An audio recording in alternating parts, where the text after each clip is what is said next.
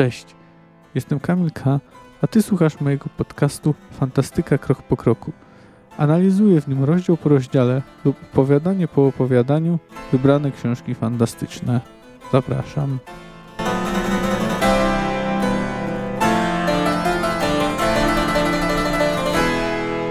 Wypatrz szczerość i prostolinijność, Yennefer. To jest wypisane na waszych twarzach. Nie muszą nawet starać się czytać w myślach. Jesteście stworzeni dla siebie, ty i Wiedźmin, ale nic z tego nie będzie. Nic. Przykro mi.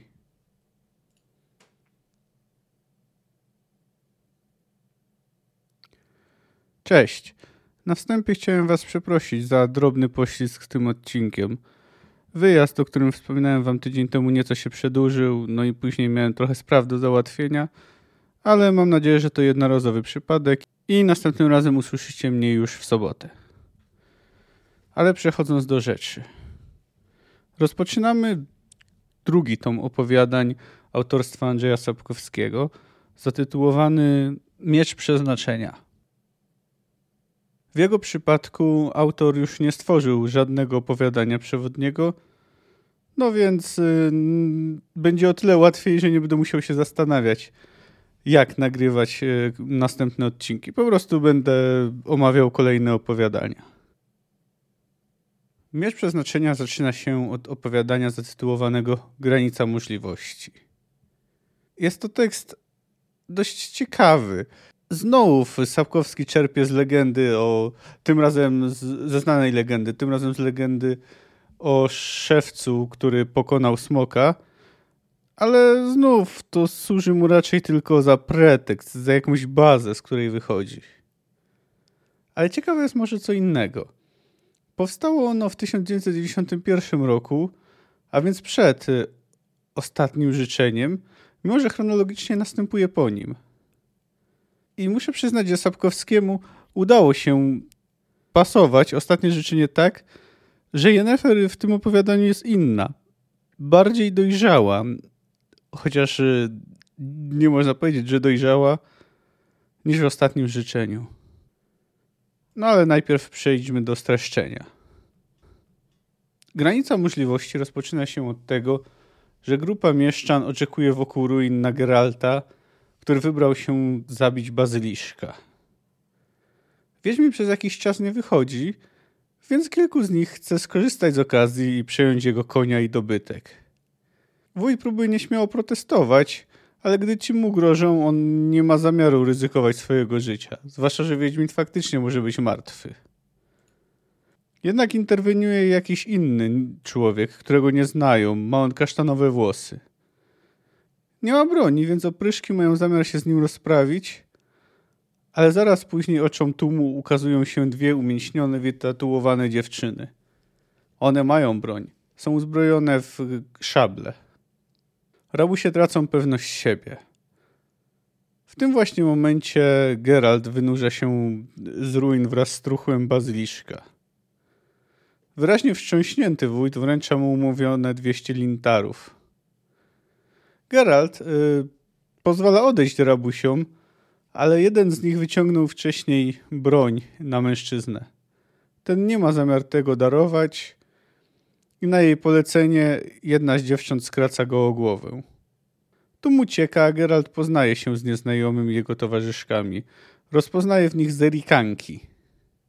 Mężczyzna przedstawia się jako Borch czy Kawki, a dziewczyny to Tea i Wea.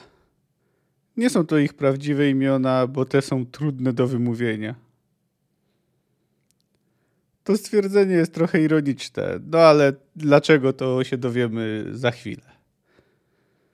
Geralt dziękuje Borchowi za uratowanie jego dobytku, a ten zaprasza go do gospody pod zadumanym smokiem. Rycerz, bo na takiego wygląda Borch, okazuje się być człowiekiem dość majętnym. Jedzą, piją z Geraltem piwo, jedzą baraninę i rozmawiają. Borch jest dość zainteresowany wiedźmińskim fachem. Przy okazji rozprawia o starciu ładu i chaosu, po czym naprowadza dialog na smoki, przedstawiając je jako twór chaosu. Geralt ucina temat.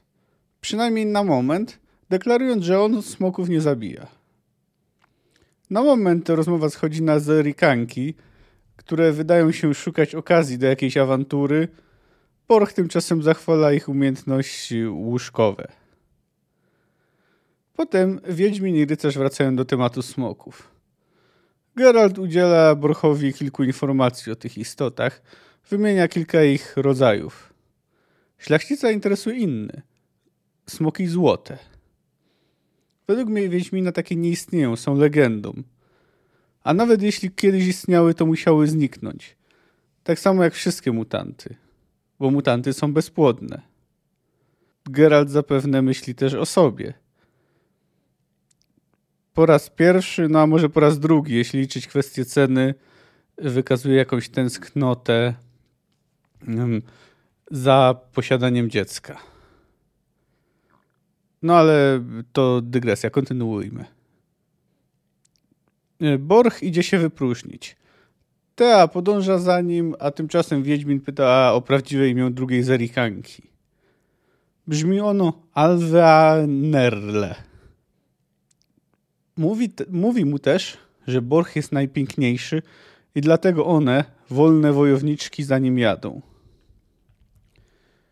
Gdy Borch wraca, okazuje się, że zamówił więcej jedzenia, a także opłacił Geraltowi nocleg.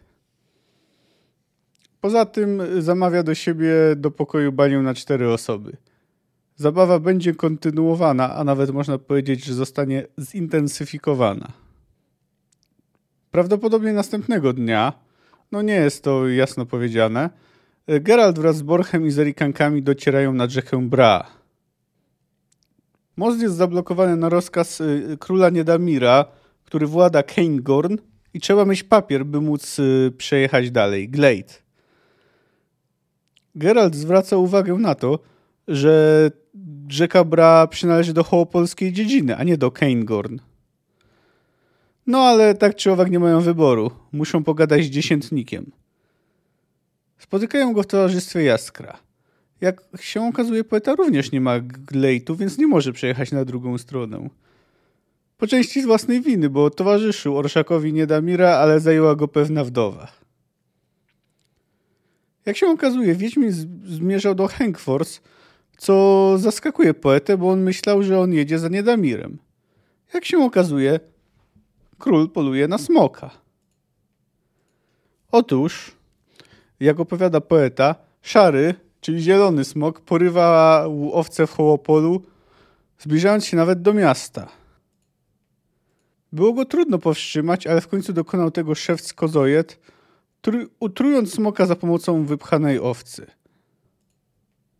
Smok ledwo żył, ale jednak zdołał odlecieć. Więc zaczęło się na niego polowanie. A może nawet przede wszystkim na jego skarbiec. Ale sprawa ma też wymiar polityczny. Jak się okazuje, Niedamir, który jest młodym królem, chce przejąć władzę nad Maleore. Otóż, ponieważ umarł tam tejszy władca, Obecnie rządzi tam młoda księżniczka. Tamtejsza szlachta zapewne cieszy się dużymi wolnościami, bo ona raczej nie ma szans trzymać ich krótko, dlatego nie uśmiecha im się Niedamir jako nowy władca. Powołała się więc na starą przepowiednię, która mówi, że władza i ręka księżniczki będą się należały temu, kto pokona smoka. Nie spodziewali się, że jakiś smok naraz znajdzie się w okolicy. Oczywiście król nie zamierzał osobiście walczyć ze smokiem. Dlatego pościągał ludzi doświadczonych, doświadczonych w polowaniach y, na te istoty. Y, Jaskier wymienia szlachetnego rycerza Eika z Densdale, rębaczy z Krinfried, czy też Crinfried, ale chyba Krinfried, y, krasnoludy pod przewodnictwem Jarpena Zigrina, no, a także towarzyszą im Kozojet wraz z milicją z Hołopola, która bardzo dobrze zna tutejsze góry. Dziesiętnik informuje ich jeszcze, że do polowania dołączyła czarodziejka o czarnych włosach na karym koniu. Geralt nie zamierza brać udziału, udziału w polowaniu, nie interesują go smoki. Wracają zerikanki, które Borch wysłał wcześniej po coś do picia. Wracają nie same, a w towarzystwie czarodzieja, który ma na imię Dorregaraj. Identyfikują czarodziejkę, która była wcześniej jako Yennefer. to natychmiast zmienia postawę Geralta, który postanawia przekupić dziesiętnika. Ale jak się okazuje, 200 elintarów to za mało. Jednak jak już się zorientowaliśmy, Borch jest majętny, daje 500. 500 wystarczy, zwłaszcza wraz w połączeniu z pokazem mocy czarodzieja. Doganiają Orszak. I ostatecznie Niedamir y, przez słowa swojego kanclerza Gelenstreina pozwala Geraltowi i jego towarzyszom dołączyć do polowania. Geralt wraz z Borchem, Jaskrem i Zarikankami dołączają do rębaczy i krasnoludów, którzy siedzą przy ognisku.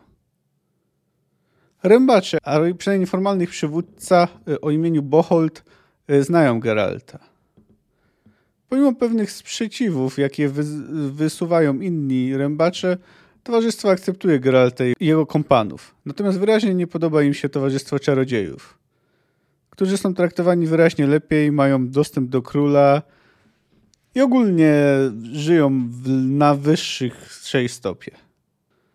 Za zgodą Jarpena, Boholt przedstawia Wiedźminowi swoją koncepcję podziału łupów. Królowi ma przypaść jedna czwarta skarbca. Ci, którzy będą walczyć ze smokiem bezpośrednio podzielą się połową, a reszta zostanie dla tych, którzy będą pomagać w inny sposób. Włącznie z milicją z Hołopola, która zna ten rejon i wskazuje drogę. Natomiast y, nie wlicza się w to kozojet. Wobec niego są inne plany. Nie chcą, żeby ktoś psuł im robotę y, samemu interweniując, zamiast wzywać profesjonalistów. Z Zajkiem nie rozmawiali o podziale łupów. To idealista. Po chwili do siedzących przy ognisku dołącza się Jennefer. Informuje ona krasnoludy i rębaczy, że wbrew radom jej i Dorre Garaja król przyjmuje ich propozycję. Pocholc cieszy się, że mądry król Niedamir nie słucha złych doradców. Poza tym mówi czarodziejcze, że ich nie interesuje ciało smoka, więc czarodzieje będą mogli je sobie wziąć. I później zrobić z niego eliksiry, czy co tam im będzie potrzebne. Gdy Yennefer odchodzi od ogniska, Geralt podąża za nią. Rozmawiają, a w zasadzie niemalże się kłócą. Od ich rozstania minęły cztery lata. I choć Yennefer nie jest już na niego tak zła jak wtedy, to nadal... Cóż, nadal odczuwa wobec niego powiedzmy, że żal, chociaż graniczący ze złością. Nie ma zamiaru mu wypaczyć tego, że ją porzucił. Pochód jedzie dalej, zbliża się do bardziej skalnego terenu. Glenn Stiern rozmawia z Wiedźminem. Dowiadujemy się od niego, że Dorega, Dorregara jest fanem potworów, uważa, zabijanie jakichkolwiek jest złe. Kanclerz narzeka, że ponoć teraz Wiedźmini deliberują, czy dany potwór powinien zostać zabity, czy nie. I kończy rozmowę ostrzeżeniem, żeby Geralt nie próbował zachowywać się tak, jakby się to mogło nie spodobać królowi Niedamirowi. Wiedźmin wstrzymuje konia, pozdrawia przejeżdżającego obok Ojka, ale ten okazuje mu otwartą niechęć. Rozmowę z nim zaczyna Dorregaraj. Możemy się dzięki temu dokładniej zapoznać z tym, jak widzi świat. Ale generalnie kanclerz mówił prawdę. Czarodziej uważa, że świat jest w równowadze. Każdy gatunek ma swojego naturalnego wroga. A więc eliminowanie tych naturalnych wrogów, yy, czyli wrogów człowieka, czyli potworów, jest szkodliwe i nieetyczne i prowadzi do degeneracji rasy ludzkiej. Do rozmowy włącza się Yennefer. Zaczyna od ostrzeżenia wobec Deregaraja, żeby uważał z otwartym demonstrowaniem swoich poglądów w tym towarzystwie. Czarodziej le ostrzeżenie lekceważy. Natomiast czarodziejka twierdzi, że smoki to najgorsze zło. Jej teoria opiera się na tym, że tylko smog z potworów może realnie zagrozić miastu. A tylko miasto może tworzyć właściwe warunki dla przyrostu naturalnego i dalszego, powiedzmy, rozrostu y, rasy ludzkiej. W odpowiedzi do Regaraj radzi jej, by zajęła się rodzeniem dzieci, czy oczywiście ją złości, bo nie może tego robić. Jak większość czarodziejek jest sterylna. Gdy zostają sami z Geraltem, Wiedźmin mówi jej, że nie wierzy w jej opowieści. że chodzi jej o to, by położyć łapę na skarbcu smoka. Wskazuje przy tym na powiązanie czarodziejki z glidią jubilerów.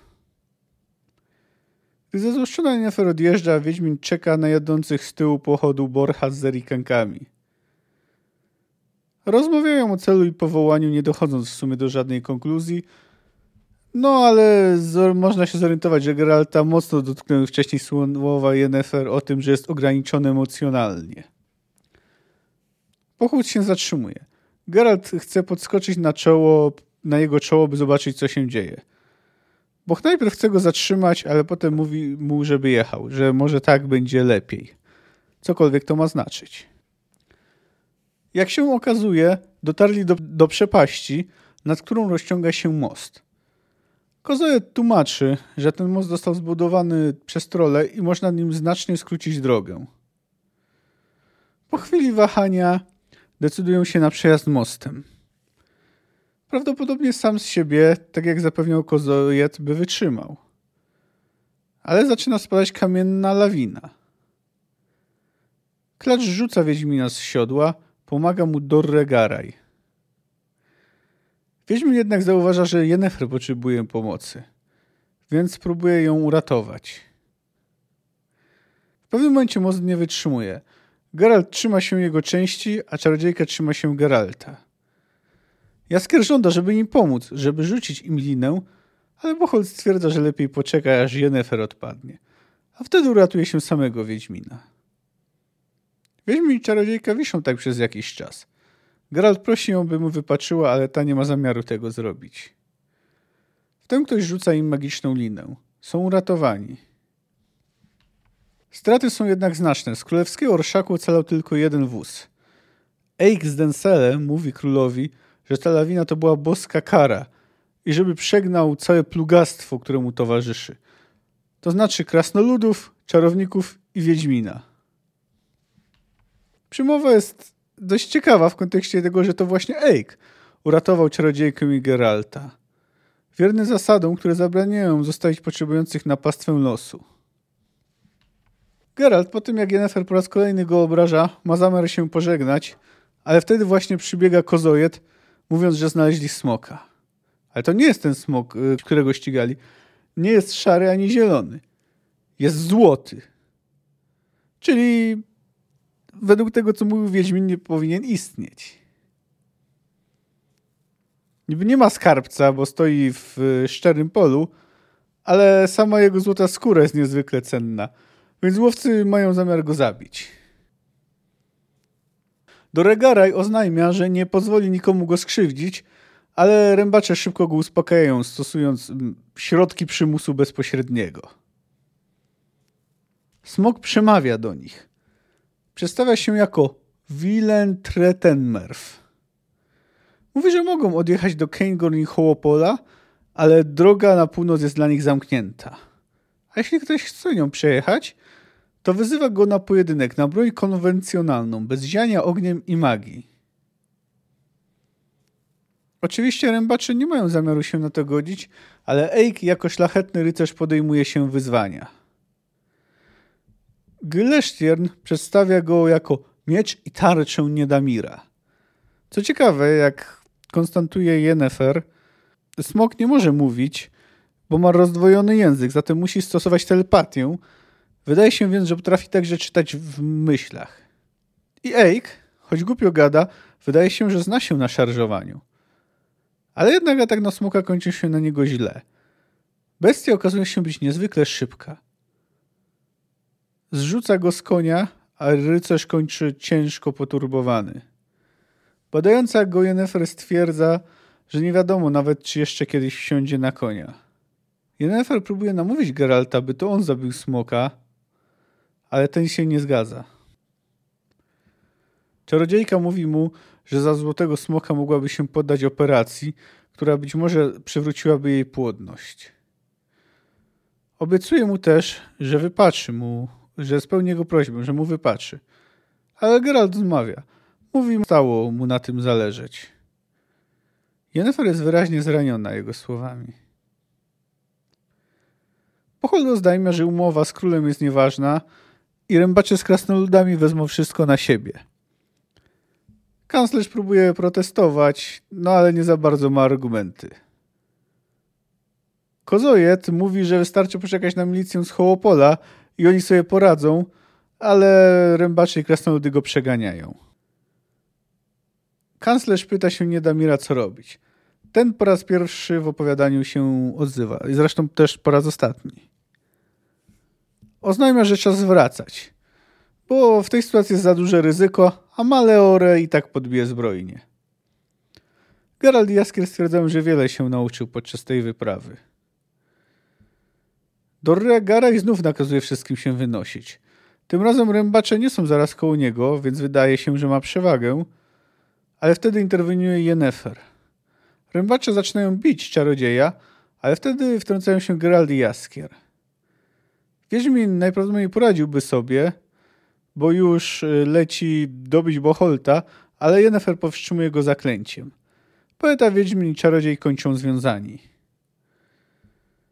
Tym razem, Yennefer chce, tym razem to Yennefer chce wszystkich przegonić, aby przyjąć smoka tylko dla siebie. Ale Jarpen trafia ją w czoło żelazną kulką. Czarodziejka traci przytomność, jest związana, y, kończy też związana. Y, jej nogi są na wysokości rąk Geralta, nie może niczym ruszyć, ani nogami, ani rękami. Bohold rozchełstuje jej koszulę, tak że jej piersi znajdują się na wierzchu i obiecuje, że wszyscy się z nią zabawią, jak tylko skończą ze smokiem. Geralt mu grozi. Bohold stwierdza, że nie jest to zbyt rozsądne, ponieważ zdaje sobie sprawę, że musi yy, groźbę Geralta potraktować poważnie. No ale na razie czas na to, by zmierzyć się ze smokiem. O, jemu znudziło się czekanie i przyszedł do nich. Okazuje się być wyjątkowo trudnym przeciwnikiem. Rębacze kończą niezdolni do walki, a krasnoludy uciekają. Ale to jeszcze nie koniec. Na placu boju pojawia się milicja z Hołopola na czele z Kozojedem. Nim smok wyrusza im na spotkanie, popycha w, w kierunku wciąż związanych poety Wiedźmina i dwójki czarodziejów coś małego. To smoczątko. Jak się okazuje, ten natruty smok to była smoczyca, a to smoczątko to jej dziecko. Tymczasem hołopolscy milicjanci bardzo sprytnie rozstawili wozy, złapali smoka w sieć. Teraz wydaje się, że mogą go łatwo dobić, ale nadjeżdżają zerikanki. No, chyba już wiemy, kto był smokiem. Hołopolanie uciekają z powrotem na wozy. Jennefer mówi Geraltowi, żeby przepalił powrót znakiem Igni. Waha się, ale w końcu to robi. Jennefer cierpi, czuć e, smród e, palonej skóry, który sprawia, że Doregare im mdleje. Ale w końcu czarodziejka ma wolne nogi i zaczyna nimi rzuca, rzucać nimi zaklęcia, przewracając wozy albo zmieniając hołopolan w żaby, flamingi czy inne stworzenia. Pozostałymi zajmują się zerikanki. Kozołec rzuca się do ucieczki, ale smok go dopada i pożera żywcem.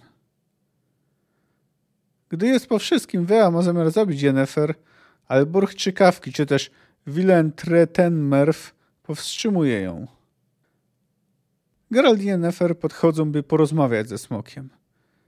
Jak się okazuje, jego imię w wolnym przekładzie brzmi Trzy czarne ptaki. Potwierdza, że to smoczątko to dziecko smoczycy Myrkta Brakke, tej, która została otruta przez kozojeda. Miała wystarczająco czasu, by się zregenerować i uciec, gdy członkowie pochodu kłócili się o łupy. Pozostawiła jednak złotemu smokowi swoje dziecko. Smog mówi do Yennefer to, co słyszeliście na początku, że są z Geraltem dla siebie stworzeni, ale nic z tego nie będzie. A już na sam koniec Geralt mówi do Wei, że miała rację, że faktycznie jest najpiękniejszy. No dobrze, zacznijmy może od y, inspiracji do tego opowiadania. Legenda o smoku wawelskim jest chyba każdemu dobrze znana jak każda znana legenda ma ileś tam wersji. Ta, która jest mi, mi znana, opowiada o tym, że smok mieszkał w jamie pod Wawelem i terroryzował miasto. W końcu pewien szewc wpadł na pomysł, aby wypchać barana siarką.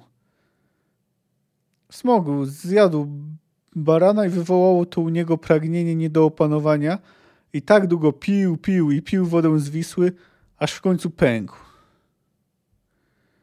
Dzięki temu uzyskał nagrodę od króla Kraka. No ale we wcześniejszych wersjach było inaczej. Y, szewc o imieniu y, Skub pojawił się dopiero w XVI wieku.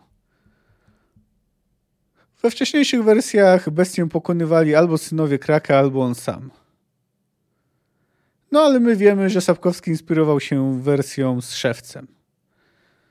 Ale tylko Zojet, chociaż bez wątpienia jest sprytny, inteligentny, nie jest bohaterem. Prawie wszyscy odnoszą się do niego z obrzydzeniem, a dodatek kończy jako zjedzony przez smoka. W sumie jest to trochę niesprawiedliwe, bo przecież nie jest raczej człowiekiem mniej moralnym, gorszym niż dajmy na to rębacze czy krasnoludy. To jest zresztą ciekawe, że to właśnie tylko jakby ta najniższa klasa kończy najgorzej. Bo nawet X-Densele przeżywa, natomiast hołopola, hołopolanie albo kończą zamienieni w jakieś stworzenia, albo rozrąbani z erikanki. No a kozoid jest y, pożarty przez y, smoka. Cóż, jak widać nie mogli być bohaterami. Powiedzmy, że szlachta, chociaż jest to w tym przypadku określenie umowne, miała więcej szczęścia. Generalnie sporo ciekawych rzeczy jest w tym opowiadaniu. Dowiadujemy się co nieco o smokach. Reprezentuje się tu różne ideologie, można powiedzieć, że skrajne. Widzimy dalszy rozwój relacji między Geraltem i Yennefer. W ogóle, jak już zasygnalizowałem na początku, Czarodziejka jest tu bardziej interesująca niż w ostatnim życzeniu. Wciąż ma mnóstwo wad, ale tym razem nie jest jednak aż tak cyniczna i no jest wciąż antagonistyczna, ale jej złość jest wobec Geralta jest uzasadniona. No i ostatecznie, jakby nie patrzeć, podejmuje słuszny wybór. W trakcie opowiadania Borch kilka razy mówi o starciu ładu z chaosem, dobra ze złem. Siebie przedstawia na koniec jako kogoś, kto właśnie to robi, reprezentuje ład. Ponieważ walka z chaosem polega na obronie przed agresją, na chronieniu słabszych. I to właśnie robił. Bronił smoczątko. W sumie na tej podstawie pojawiają się uzasadnione paralele z Geraltem. Geralt y, nie chce się z tym zgodzić. On wyraźnie zaznacza, że jest ślepym narzędziem. Tak często to powtarza, że ktoś nawet mógłby w to uwierzyć. No ale jeszcze kilka słów o tych dwóch, o tych ideologiach, o tych radykalnych ideologiach, o których wspomniałem. Zalicza się do nich religijny fanatyzm reprezentowany przez Eika i czegoś pomiędzy pacyfizmem, ekologizmem a biologicznym determinizmem głoszonym przez Doregaraja. Ciężko czuć sympatię do Eika, który jest po prostu fanatykiem, bigotem. Swój światopogląd opiera na religijnych dogmatach. Czarodzieje są źli. Wiedźmini odmieńcy są źli. Krasnoludy poganie są złe. No nie cierpi ich nie przez to, co robią, bo to nie jest tak, że, że te krasnoludy nie dają powodu, by ich nie lubić, ale przez to, czym są. Ale poglądy czarodzieja, choć odmienne, też nie są specjalnie sympatyczne na jego wywody o tym, że nie wolno zakłócać równowagi, Geralt odpowiada mu. Wiesz co, czarowniku? Zdenerwował się Geralt. Przyjdź kiedyś do matki, której dziecko pożar bazyliszek i powiedz jej, że powinna się cieszyć, bo dzięki temu rasa ludzka ocalała przed degeneracją. Zobaczysz, co ci odpowie. Jest to argument populistyczny i emocjonalny, no ale też prawdziwy. Doregaraj wydaje się nie przejmować się tym, że jego poglądy mają wpływ na los konkretnych ludzi. Trudno sympatyzować e, z wyrażanym przez niego tezą, że natura tak chce, by potwory zabijały ludzi i próba tego zmiany, próba powstrzymania potworów jest niemoralna. W sumie to nawet Borch tego nie mówi. sam motyw, czy tam same słowa o granicy możliwości przejawiają się przez to opowiadanie niemalże cały czas. W różnym znaczeniu pojawia się w nim ten termin, może nawet trochę zbyt często. Boroch mówi o tym, że wychowując smoczątkę udowodni, że nie istnieje granica możliwości. Że może wychować sobie następcę, nawet jeśli jest sterylny. Znaczy nie wiemy, czy jest sterylny, to jest tylko moja teza. Może to nieco ryzykowna interpretacja, ale uważam, że to wskazuje, że nie jest biologicznym ojcem smoczątka. Może Geralt faktycznie miał rację, gdy dywagował, że gdyby złoty smok kiedyś istniał, nie mógłby się rozmnażać. Dla Yennefer i Geralta granicą możliwości jest nawiązanie normalnej relacji. Wiedźmin nie wie, czego chce, czarodziejka wie, ale zdobycie tego przekracza granice jej możliwości. Borch nawet mówi, że nic z tego nie będzie. Ale o co mu chodzi? Czy o to, że Geralt i Yennefer nie zdołają stworzyć udanego związku, że ich ograniczenia są nie, nie do przeskoczenia? A może chodziło o to, że nie będą, że nie mogą razem mieć dziecka? A przynajmniej niezrodzonego, że tak powiem, z ich lędźwi. W końcu pojawi się Ciri. Może to właśnie ona, połączona z prawem niespodzianki, pozwoliła im przekroczyć granicę możliwości. Znów mamy paralelę z Borchem, który znał swój cel. Było nim uratowanie tego smoczątka i wychowanie go jako swoistego następcę. No dobrze, jakie jest przesłanie tego opowiadania? Nie jest ono bardzo ukryte, chociaż też nie jest wyrażone wprost. Fanatyzm jest zły w każdej postaci. Radykalizm ocen może prowadzić do zbrodniczych poglądów, nawet jeśli niekoniecznie jest zanurzony w religijnym sosie. Trzeba przyznać, że Sapkowski, chociaż oczywiście krytykuje religijny fanatyzm, to jednak yy, zwraca uwagę, że to nie tylko religia może być źródłem złych poglądów. Ale jest jeszcze jedna rzecz. No, nigdy nie jest za późno, by stanąć po właściwej stronie, by sprzeciwić chaosowi. Przecież to właśnie robi Yennefer, która wcześniej miała zamiar zabić y, Złotego Smoka. Ale smoczątko, widok dziecka zmiękczył jej serce. Są w tym opowiadaniu dwa kontrowersyjne fragmenty. No, pierwszym jest reakcja, raczej brak na to, że Zerikanka zabija niedoszłego złodzieja Geraltowego dobytku. Geralt nawet nie komentuje tej sytuacji. Z jednej strony jest to dziwne, bo generalnie wiemy, że Wiedźmin sprzeciwia się zabijaniu bez uzasadnienia. W końcu sam zamierza opuścić rabusiów. No ale z drugiej strony Borch w sumie był w prawie, skoro ten człowiek był gotowy go zaatakować, gdy myślał, że jest zupełnie bezbronny. Więc może Geralt po prostu nie chciał antagonizować nowo poznanego towarzysza. Z drugim fragmentem jest większy problem. Yennefer była molestowana seksualnie i groził jej gwałt. No sam, sam Geralt zachował się generalnie o tyle, na ile mógł w tej sytuacji w porządku, Natomiast Jaskier wykorzystał tę sytuację, by ją wykpić i się z nią poznęcać. Dywaguje na temat wyglądu jej ciała i luźna wspomina, że ją co najwyżej zgwałcą. Oczywiście nie robi tego zupełnie bez powodu. Czarodziejka sprawiła, doprowadziła do tego, że znaleźli się w sytuacji, w jakiej się znaleźli. No ale trudno to uznać za wystarczające uzasadnienie zachowania poety. A Geralt jest wobec niego zaskakująco miękki. Ucisza go, ale mało zdecydowanie. Biorąc pod uwagę to, że Boholtowi groził śmiercią, że go odnajdzie, no to wydaje się, że Wiedźmin powinien jednak zareagować nieco ostrzej na zachowanie swojego przyjaciela. No dobrze, ale jaki w ogóle jest Wiedźmin w tym opowiadaniu? Jest targany wciąż i tlącym się, a może nawet nie tlącym, może wciąż płonącym uczuciem wobec Yennefer, a także wyrzutami sumienia, jakie odczuwa wobec niej, a także z poczuciem bezcelowości. Z tym, że jest tylko maszyną, a przynajmniej chciałby może nią być maszyną, bezwolnym golemem.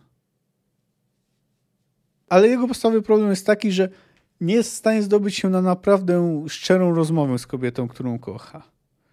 I dla której zmienia swoje plany. W końcu nie planował jechać za Niedamirem. No ale jednak, jakby nie patrzeć, Geralt zachowuje się moralnie. Gdy przychodzi chwila próby, nie zamierza zabijać smoka. Broni go. Jennefer dołącza się e, do tego orszaku raczej nie z powodu, na który wskazuje Wiedźmin, czyli jej powiązań z Glidią jubilerów. Co jest tyle ciekawe, że z tego, co mówi Wiedźmin, wynika, że Glidia jubilerów generalnie ma spore wpływy wśród czarodziejów. Ale to nie o to chodzi. Czarodziejka kieruje się rozpaczliwą pogonią za spełnieniem swojego marzenia. Chce móc mieć dzieci. Jest gotowa zabić złotego smoka, byle tylko mieć na operację, która rzekomo może do tego to umożliwić, dać jej szansę. Wydaje się, że jest gotowa zrobić wszystko, by to umożliwić. Ale gdy rozumie, czego broni smok, to jednak nie decyduje, to jednak broni go, broni go przed hołopolanami. A co do ideologii, jaką wyraża, to Geralt nie traktuje poważnie jej słów o tym, że smok to najgorszy wróg ludzkości i wydaje się, że ma rację, że to w najlepszym razie jest racjonalizacja ze strony czarodziejki. Wydaje się zresztą, że smoków jest za mało, by były w stanie realnie zagrozić ludzkości. Pomijając oczywiście jakieś lokalne sytuacje. Borch czy Kawki, czy też Willem Trentmerf oprócz wiary władz i porządek i tego, że posiada jasny cel, jest w ogóle interesujący, chociaż też trochę enigmatyczny. Niby w opowiadaniu jest go dużo i sporo mówi, ale nie wszystko wiadomo. Czy jest jedynym złotym smokiem, istotą z legendy, czy może jest ich więcej? Czy może mieć dzieci? Czy to smoczątko to jest jego dziecko, czy ta smoczyca ma go z kim innym? No i na sprawę w ogóle nie wiemy, jak rozmnażają się smoki, bo może to jest, może po prostu, no nie wiemy, jak dochodzi do zapłodnienia u smoków. Ciekawe jest też to, że uważa ludzi za sympatycznych, ponieważ może przybrać dowolną postać, a wybierał akurat człowieka. To, co może mu się nie podobać, w sumie to nieładnie traktuje Zarikanki. Generalnie jak narzędzia, przedmiotowo. No i w sumie to jest dość dziwne, że akurat Wilen Tretenmerf ma problem z imionami Zerikanek. No ale to mogła być po prostu gra, jaką prowadził przed Geraltem. Być może istotną, choć nie odgrywającą niby większej roli postacią jest król Niedamir. Przez większość opowiadania milczy, ale gdy się wypowiada, mówi rzeczy dość istotne. Pozwólcie, że przytaczę nieco długi yy, cytat. Co rozkażę, powiedział cieńko, Nareszcie zapytałeś o to, Gyllenstiern, zamiast decydować za mnie i przemawiać za mnie i w moim imieniu. Bardzo się cieszę. Niech tak zostanie, Gyllenstiern. Od tej chwili będziesz milczał i słuchał rozkazów. Oto pierwszy z nich. Zbierz ludzi, każ położyć na wóz Eika z Densele. Wracamy do Keingorn. Panie, ani słowa, Gyllenstiern. Pani Jennefer, szlachetni panowie, żegnam was. Straciłem trochę czasu na tej wyprawie, ale i zyskałem sporo. Wiele się nauczyłem. Dzięki wam za słowa, pani Jennefer, panie Doregaraj, panie Bocholt. I dzięki za milczenie, panie Geralt. Królu, rzekł Gyllenstern, jak to? Smok jest tuż, tuż, tylko ręką sięgnąć. Królu, twoje marzenie. Moje marzenie, powtórzył zamyślony Niedamir. Ja go jeszcze nie mam. A jeśli tu zostanę, może wtedy nie będę go miał już nigdy. A maleory, a ręka księżniczki? Nie rezygnował kanclerz wymachując rękami. A tron, królu, tamtejszy lud uzna cię... W życiu mam tamtejszy lud, jak mawia pan Bocholt. Zaśmiał się Niedamir. Tron Maleora jest i tak mój, bo mam w Keingorn 300 pancernych i półtora tysiąca pieszego luda przeciwko ich tysiącu zafajdanych tarczowników. A uznać to oni mnie i tak uznają. Tak długo będę wieszał, ścinał i włóczył końmi, aż uznają a ich księżniczka to tłuste cielątko i plunąć mi na jej rękę. Potrzebny mi tylko jej kuper. Niech urodzi następcę, a potem się ją i tak otruje. Metodą mistrza kozojeda. Dość gadania, Gyllenstiern. Przystąp do wykonywania otrzymanych rozkazów. Geralt z Jaskrem uznają, że wiele się nauczył. Faktycznie, nauczył się. że legendy niekoniecznie są prawdziwe, że niekoniecznie należy za nimi podążać. Nauczył się, że brutalna siła może być ważniejsza w polityce niż próba zadowolenia ludu. Might makes right, można powiedzieć. Siła czyni prawo. Czy można e, króla Niedamira uznać za przedstawienie upadku ideałów, przemiany idealisty w cynika? Pewnie tak, no ale trzeba tu poczynić pewne zastrzeżenia. Nie wiemy faktycznie z jakimi założeniami tu pojechał, bo wcześniej milczy. No i jest też jedna rzecz, no jeśli tak było, to ta jego przemiana zaszła dość szybko. No chociaż też trzeba przyznać, że dość sporo się zdarzyło. Najpierw kamienna lawina, a potem smok pokonujący jednego z najlepszych rycerzy. Jak się wydaje, przynajmniej w tej części świata. Exdensele to również jest interesująca postać. Oczywiście w dużej mierze to jest taka postać komiczna, karykatura rycerskich ideałów. Traktuje wszystkich pogardliwie, ostatecznie wcale nie zwycięża smoka jak święty Jerzy, sam kończy pogruchotany. Ale trzeba przyznać, że pomimo dość nieładnych poglądów, jakie prezentuje, nie jest całkowicie negatywną postacią. W końcu ratuje życie Geraltowi i Yennefer. Pomimo tego, że uważa ich za obrzydliwości, zwłaszcza Wiedźmina, ponieważ Yennefer jest piękną damą. Eik jest dogmatykiem. Dogmatykiem jest też Doregaraj, chociaż jest to innego rodzaju dogmatyzm. No, jego poglądy już trochę umówiłem. No, generalnie trudno się zgodzić z tym, z tym, że wszystkie potwory zasługują na życie i nie wolno ich zabijać. Oczywiście jest prawdą, że ludzie często po prostu nienawidzą innego i chcą to zabić, bo jest inne. No ale jego poglądy są nieetyczne i zapewne dość wygodne, bo sam Doregaraj raczej nie jest zagrożony przez potwory.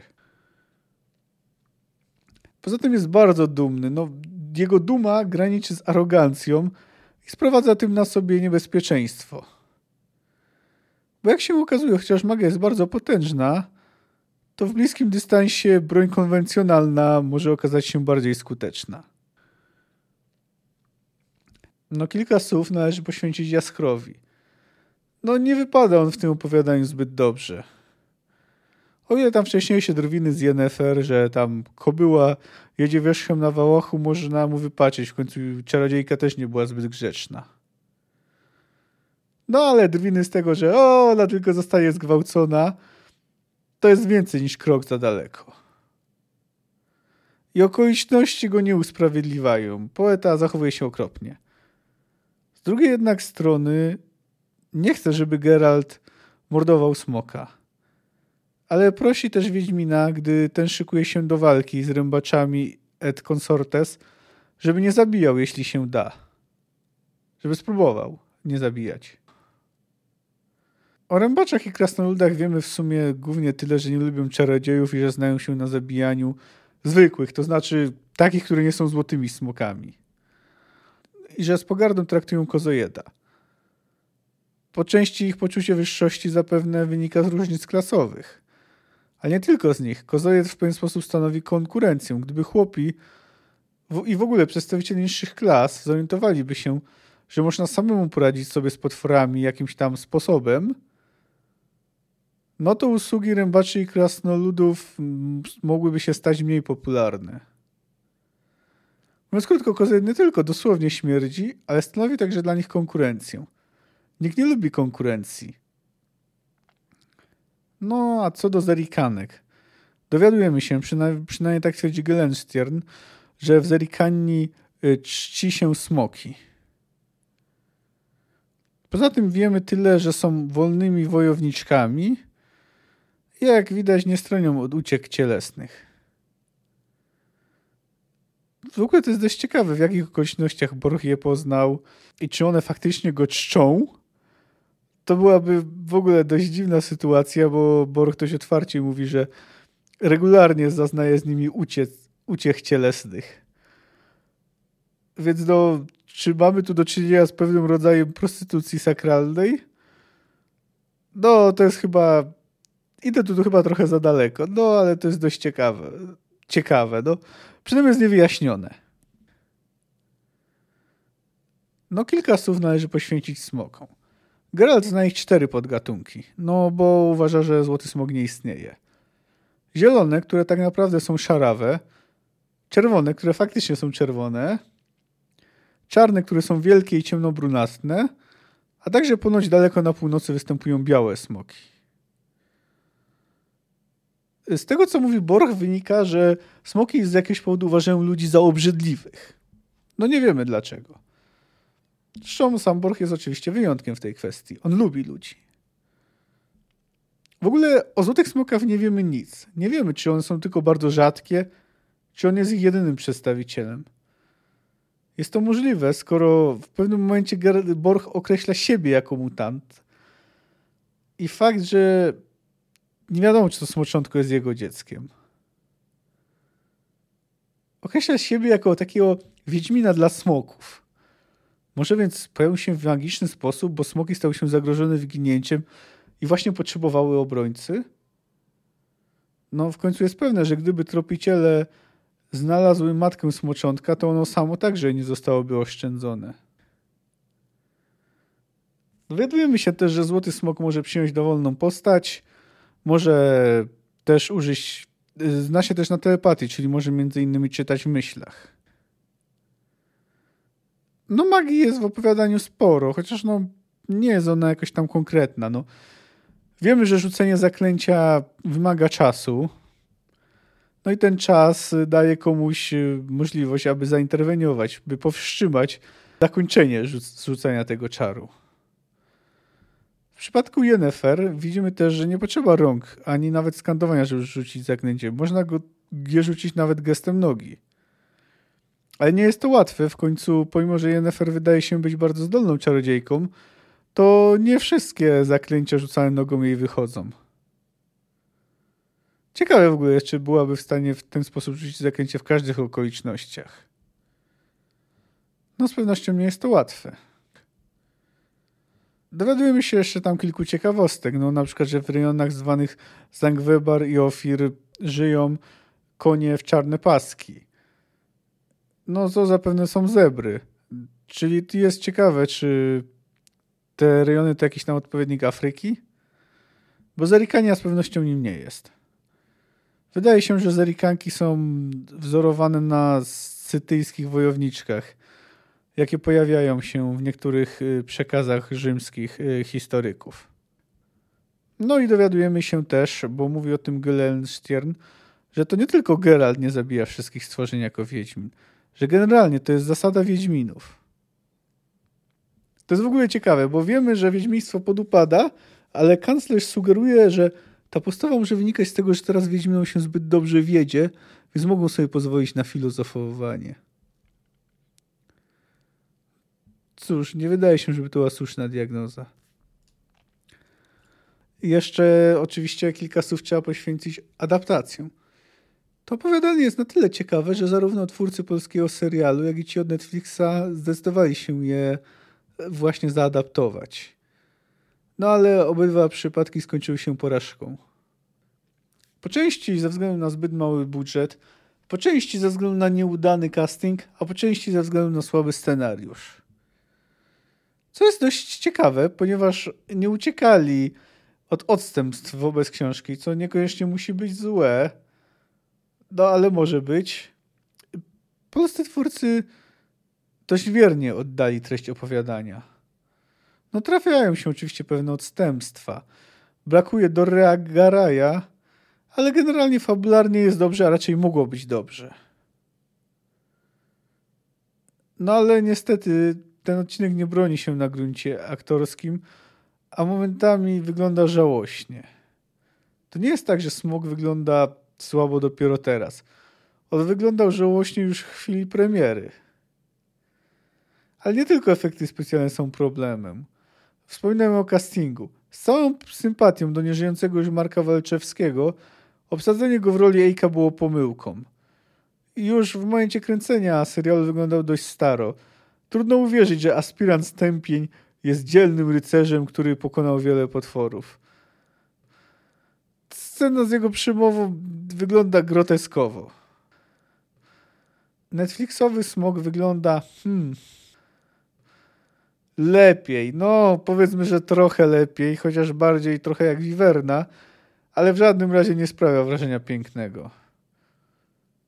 Twórcy dysponowali większym budżetem, ale wciąż by on był zbyt mały, by dać wszystko tak, jak powinno wyglądać. Generalnie, żeby jakoś przedstawić to pewien, to trzeba mieć naprawdę y, kupę pieniędzy. No, ale takim czymś to dysponował Peter Jackson, a nie, mm, a nie twórcy Netflixa. Inna sprawa, że pierścienie władzy pokazują, że można mieć naprawdę wielki budżet, a i tak zawieść pod wieloma względami, momentami nawet pod względem efektów. No ale to nie jest jedyny problem Netflixowej adaptacji tego opowiadania. Na przykład Zejka zrobiono po prostu tylko i wyłącznie klauna i nic więcej. Przy okazji bardzo śmieszne żarty z pierdzeniem. One jakoś tam pasują do konwencji w parku, ale niekoniecznie do Wiedźmina. Chociaż Samkowskiemu też się później żarty z pierdzeniem trafią, no ale to zostawmy na razie. Natomiast jeszcze gorszym grzechem jest, że relacja Geralta i Yennefer została pod koniec jeszcze bardziej zepsuta, nie naprawiona. Borch wyraźnie sugeruje tam, że Geralt wymusił na Yennefer miłość. No to więc nic dziwnego, że rozstają się w złości.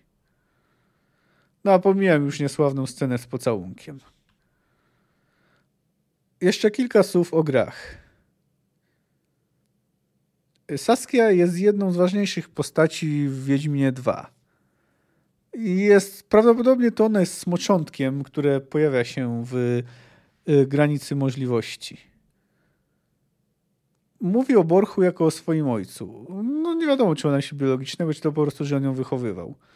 Generalnie jest to bardzo interesująca postać, która próbuje stworzyć coś w stylu królestwa y, dla nieludzi i tam wszelkich prześladowanych istot i później tam czcią, czczą ją też niższe klasy. No, ale niestety szkoda, że nie było szans, żeby odegrał jakąś rolę w trzeciej części gry. Związany z nią jest też swoją drogą Jarpen Zigrin, który odgrywa, jeśli wybierze się ścieżkę Jorweta, pewną rolę, ale chociaż ważniejszą funkcję ma inny krasnolud. W drugiej, trzeciej części gry możemy też spotkać rębaczy – a w grze y, Thronebreaker swoją drugą polecam, bo y, gra nie osiągnęła wielkiego sukcesu. Natomiast, bo to jest karcianka, ale z bardzo ciekawą fabułą, gdzie wcielamy się w królową Lyri Meth, którą jeszcze spotkamy. Ale spotykamy tam na przykład Eika z Densele. I on akurat został wiernie przedstawiony. Jako skuteczny wojownik, ale też jako fanatyk. No tutaj warto wspomnieć kilka słów, że oczywiście spotkamy jeszcze później Yennefer i Jaskra, ale nie tylko. Spotkamy też y, Jarpena. I okaże się on ciekawszą postacią, bardziej interesującą niż może się wydać po lekturze tego opowiadania. I tak, zanim przejdę do końca, to tak mi jeszcze y, przyszły na myśl takie dwie obserwacje. Po pierwsze, smoki pilnujące skarbca. No tu widzimy, że to jest motyw znany na przykład z Tolkiena, no, gdzie Smaug y, pilnował skarbca. No ale też smoki jednak są ciekawsze niż Smaug, który jest jednoznacznie złośliwy. No i taka druga rzecz, bo tutaj pada cytat, gdy y, Jaskier mówi, że Yennefer ma y, skórę szesnastolatki. Czy raczej mówiąc dokładnie skórę jak u szesnastolatki. No faktycznie te słowa padają, ale z drugiej strony wcześniej w tym samym opowiadaniu Jaskier wspomina o tym, że generalnie czarodziejki wyglądają na 25-30 lat. Więc być może mają skórę jakoś odmłodzoną. Nawiązując do tego, o czym dywagowałem w poprzednim odcinku, to wydaje się, to jest dość jasne, że pomimo tej skóry u 16-latki, to generalnie czarodziejki wyglądają, o czym Jaskier wspomina wcześniej, na 25-30 lat. No, czyli raczej nie jak nastolatki, a kobiety trochę bardziej dorosłe. No i już przechodząc do zakończenia. Lubię to opowiadanie. Gdyby było umieszczone w ostatnim życzeniu, zmieściłoby się chyba w top 3. Nie jest lepsze od mniejszego zła, ale jest też bardziej, ale jest naprawdę dobre. Broni się nie tylko jako pojedyncze opowiadanie, ale także jako rozwinięcie związku Geralta i Yennefer.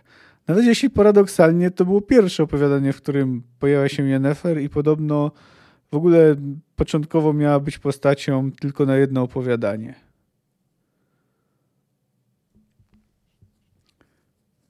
Widzimy na koniec, że jednak Geralt i Yennefer wciąż darzą się uczuciem. I możemy mieć nadzieję, że ich związek teraz może zacząć powoli rozkwitać, że mogą go zacząć budować. No, w następnym opowiadaniu dowiemy się, że tak się nie dzieje, no ale to już jest inna sprawa. Poza tym podoba mi się w tym opowiadaniu krytyka radykalizmów. Łatwo zrozumiała, choć nie łapotologiczna.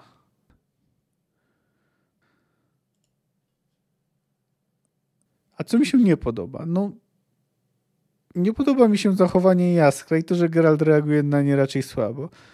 Może, być może też ogólnie w opowiadaniu jest trochę niepotrzebnej przemocy, no ale to są powiedzmy drobiazgi. Generalnie uważam, że to jest jedno z lepszych opowiadań, jakie napisał Sapkowski. Legenda została w nie sprawnie wpleciona, ale nie jest najważniejsza. W zasadzie nawet jeśli by ktoś nie znał historii o Smoku Wawelskim, to to opowiadanie i tak powinno mu się spodobać. No chyba, że bardzo źle reaguje na przypadki molestowania, no to wtedy można zrozumieć, że kogoś to może odrzucić. Że może w ogóle można by uznać, że Sapkowski czasami zbyt luźno podchodzi do gwałtu i takich elementów. No to w sumie to samo można było zarzucić ziarnie, yy, ziarnu prawdy. Ale ja w ogólnym rozrachunku uważam, że jest to opowiadanie nawet nie bardzo dobre, świetne. Jeszcze raz przepraszam Was za to, że nie wyrobiłem się z odcinkiem y, na sobotę, no ale zdarzenia losowe. Y, następnym razem, y, gdy będę omawiał okruch lodu, już odcinek powinien być. Wtedy, gdy powinien być. Podcast jest dostępny na YouTubie, Spotify, Apple Podcast, Google Podcast, SoundCloudzie i na innych platformach, których spis możecie znaleźć na fantastyka.blubry.net. Jak chcecie się ze mną skontaktować, to szukajcie mnie na Instagramie i Twitterze albo piszcie mailowo na adres kamil.fantastyka.gmail.com Za tydzień zmierzymy się z jednym chyba z najtrudniejszych opowiadań twórczości Sapkowskiego. Spróbujemy zrozumieć, co kieruje Jennefer, i jak Geralt radzi sobie z miłosnym trójkątem. Cześć!